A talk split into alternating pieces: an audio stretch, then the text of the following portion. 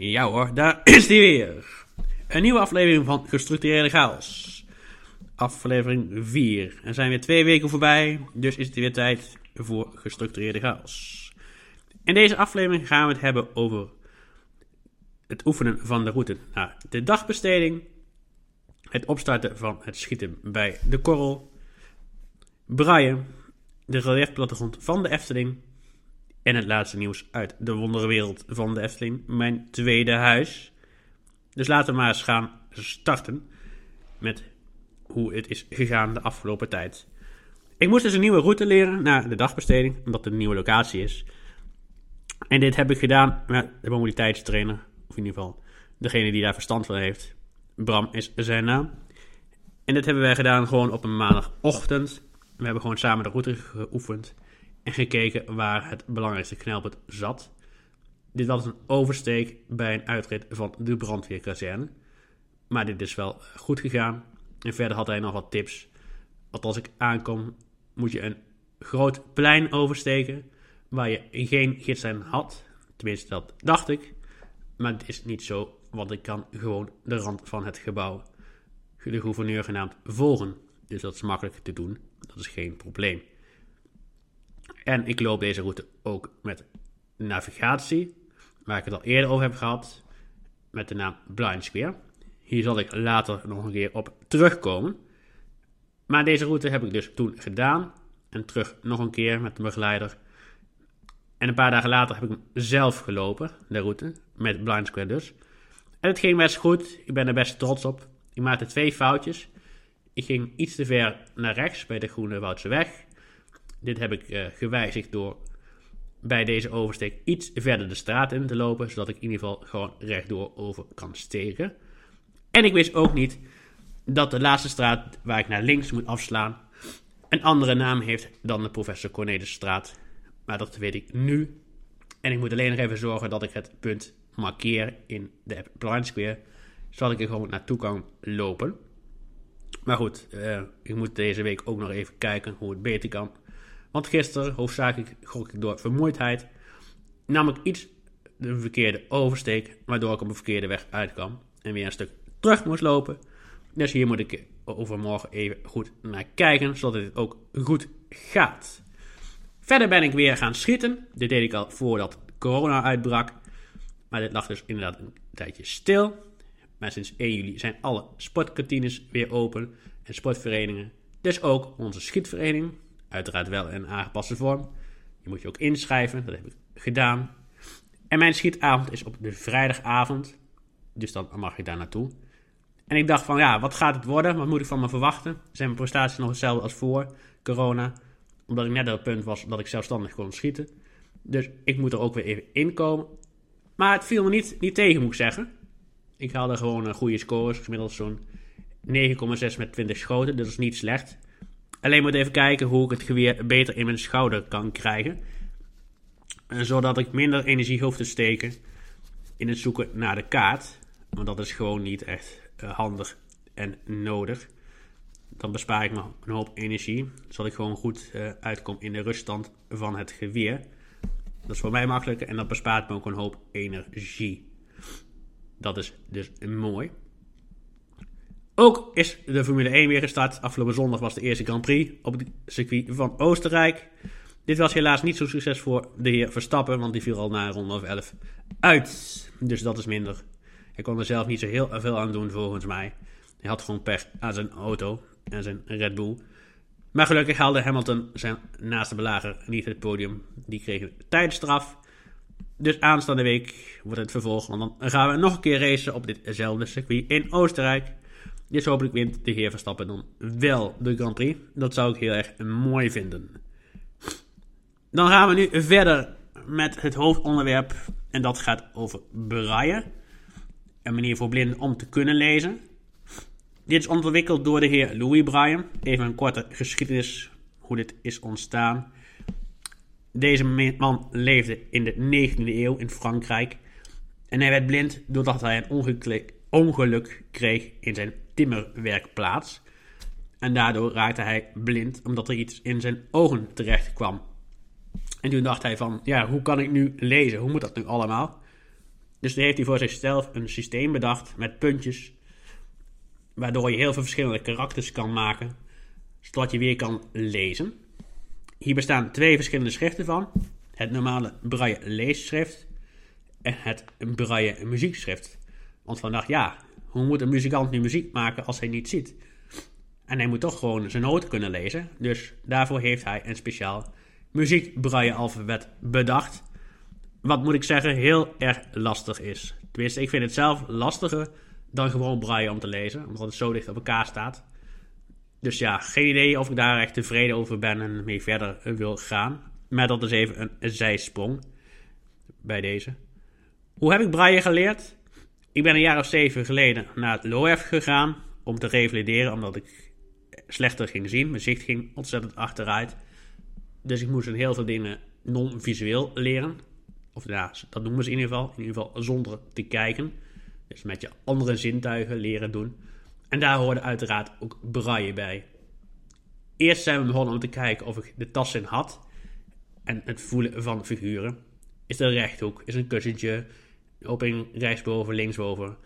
Enzovoort, enzovoort. En daarna ben ik begonnen met letters. Vier letters per keer. Dan zintjes, woordjes, leestekens. Vervolgens gingen we over op korte verhalen. Daarna ben ik simpele boeken gaan lezen. En op dit moment, voor jullie idee, ben ik bezig met de trilogie van Lord of the Rings. En dat zijn 71 banden. Dus ik kan nog eventjes uh, vooruit. Ik heb nog genoeg uh, leesvoer hier liggen thuis. Dus dat is gewoon mooi. Want het is handig om bij te houden, want dit is een vaardigheid. En zoals voor iedere vaardigheid geldt, moet je deze bij blijven houden. Nou, ik gebruik braille ook voor andere dingen. Niet alleen gewoon om ontspannen te lezen. Of nou ja, ontspannen. Dat lukt niet, want je moet je wel je concentratie bijhouden. Dus ik hou dit ook niet zo heel erg lang vol. Maar ik gebruik braille ook om dingen te herkennen. Ik heb bijvoorbeeld boven al mijn dvd's gebrailleerd, zodat ik ze makkelijk kan terugvinden. En ik heb... Nee, dat is het enige volgens mij uit mijn hoofd hebben wat ik gebrailleerd heb. Ik vind het wel handig om te brailleren dan om dingen in te spreken, omdat ik het dan sneller kan lezen. Maar ook dit is heel persoonlijk. De ene vindt dit handiger dan spraak. En, uh, maar niet iedereen kan braille, omdat het natuurlijk te maken heeft met de tastzin. Dus dat is wel van belang om daar naar te kijken, maar dat komt goed. En ik gebruik ook een, een braille leesregel, maar dat is meer om een woordbeeld bij te houden. Want als je alles fonetisch, oftewel met spraak, hoort en doet, dan kan het op een gegeven moment gewoon verdwijnen. En dat is natuurlijk niet goed, want dan ga je spelfouten maken. En dat, daar heb ik een ontzettende hekel aan. Daar kan ik gewoon niet tegen. Dus ik probeer het ook te voorkomen. En het is ook handig om nummers te lezen. Telefoonnummers, mailadressen. Dat je gewoon goed hebt en goed kan spellen. Met braille worden er ook hele mooie dingen gemaakt. Een mooie plattegronden. En ik had het de vorige keer al over. Dat is onder andere de plattegrond van de Efteling in relief. Deze plattegrond is als volgt opgebouwd. Eerst heb je een blad met algemene informatie, een soort legenda, laat maar zeggen. Daarin voel je bijvoorbeeld dat een bepaalde structuur het water is, dan de ribbellijn. Een andere dikke lijn zijn de paden op de plattegrond van de Efteling. En zo kun je als blinde met je hand een goede omgevingsvisie vormen. Dit wordt overigens ook gebruikt bij het onderwijs voor aardrijkskunde, biologie, natuurkunde omdat je als blinde natuurlijk niet kan zien. En zeker als je vanaf vroeg aan, zoals baby af aan, eh, blind bent. Heb je geen visie op de wereld. Dan weet je niet hoe de wereld er visueel uitziet. Dus proberen ze dat op deze manier te doen. Nou, even terug naar de plattegrond die hier voor mijn neus ligt van de Efteling. Wat ik al zei, voorop staat de legenda. Waarop je dus voelt wat de paden zijn, toiletten, water, etc. Op een volgende bladzijde staat de legende, dus alle attracties staan daarop. Bijvoorbeeld, om een voorbeeld te geven, nummer 1 is het Sprookjesbos. Nummer 84 is Aquanura. En die kun je ook gewoon voorvoelen op de plattegrond.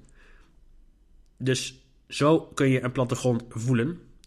Want de attracties liggen ook hoger dan bijvoorbeeld het water. Wat een ribbellijn voelt. Dus zo weet je precies waar het water is, waar de paden zijn.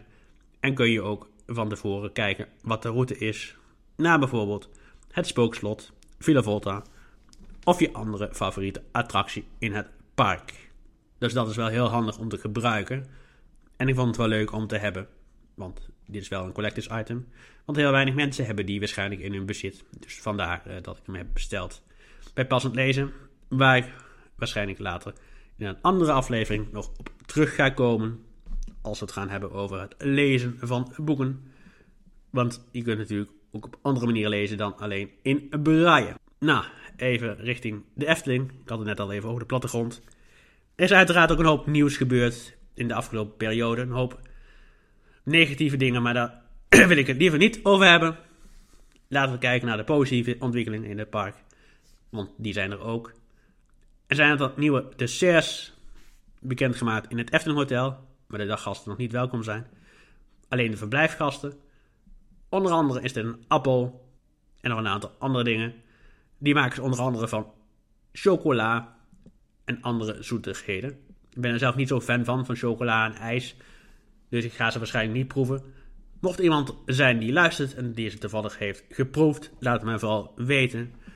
En stuur even een bericht of een voice clip naar mij toe. Dan kan ik deze verwerken in de show. Daarnaast zijn er ook een aantal andere delicatessen bekendgemaakt in het park zelf. Waaronder een Fanta Float. En deze bestaat uit soft ijs met Fanta uiteraard, want anders zou het geen Fanta Float heten, hè? Dat lijkt me wel logisch. Anders verbind je niet de naam Fanta aan. Over Fanta gesproken trouwens, zou er ook nog een Coca-Cola machine komen met 100 soorten smaken. Cola, Fanta enzovoort. Maar daar heb ik nog niks verder over gehoord. Ik ben benieuwd of daar binnenkort nog iets over bekend wordt gemaakt. En dan is afgelopen zaterdag Ravelijn weer van start gegaan. De show is wel behoorlijk aangepast. Het is een show van 10 minuten geworden.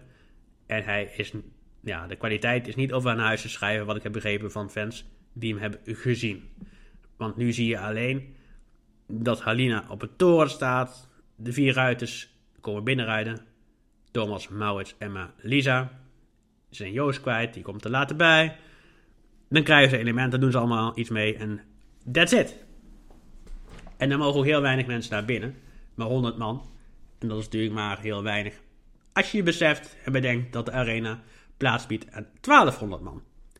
Dus ja, ik vermoed dat de capaciteit binnenkort wel omhoog zal gaan. Want anders is het een beetje zonde van het geld dat je voor uh, eh, 100 man een show produceert van 10 minuten. Want dat kost uiteraard ook geld. Maar goed, deze mensen moeten ook betaald worden. Nou goed, je zou ze natuurlijk ergens anders in een park kunnen inzetten. Voor entertainment, want dat is er heel weinig. Het park is nu de hele zomer van 3 juli tot 30 augustus open van 9 tot 6. Dan wordt het park leeggeveegd. Je mag niet eten, je mag niet blijven hangen. dan gaat het uh, van 7 tot 11 uur open. Daggasten moeten dan 25 euro betalen. Verblijfgasten ook. En gasten kunnen uiteraard gratis naar binnen. Al verwacht ik wel dat ze er binnenkort gaan aanpassen. Want s'avonds is er geen kip te bekennen. Je hebt het park helemaal, of nou bijna helemaal, voor jezelf alleen. Dus dat is mooi. Misschien dat ik binnenkort wel even een keer gaan kijken. Dan kan ik even uh, een coaster bingo aftekenen s'avonds of zo mag ik even alle acht banen doen. Met, met de ziende uiteraard. Want als blinde is dat lastiger. Nou, niet dat het niet kan, maar ik zou het zelf niet doen. Ik doe het zelf liever niet. Dat uh, bespaart mij een hoop energie. Maar goed. Dit was het weer eventjes voor deze keer. Mocht je me willen volgen, dan kan dat op Twitter. Hashtag Victor Antonico, Maria Eder, Richard Eder, Nico. En je kunt de podcast ook beluisteren op de bekende podcastplatforms. Spotify, Google Podcast, Apple Podcast komt er zo snel mogelijk aan. Ik zeg het steeds, maar ik ga er nu echt vaart achter zetten. Beloofd is beloofd. Goede weken, hou je gezond en tot gauw.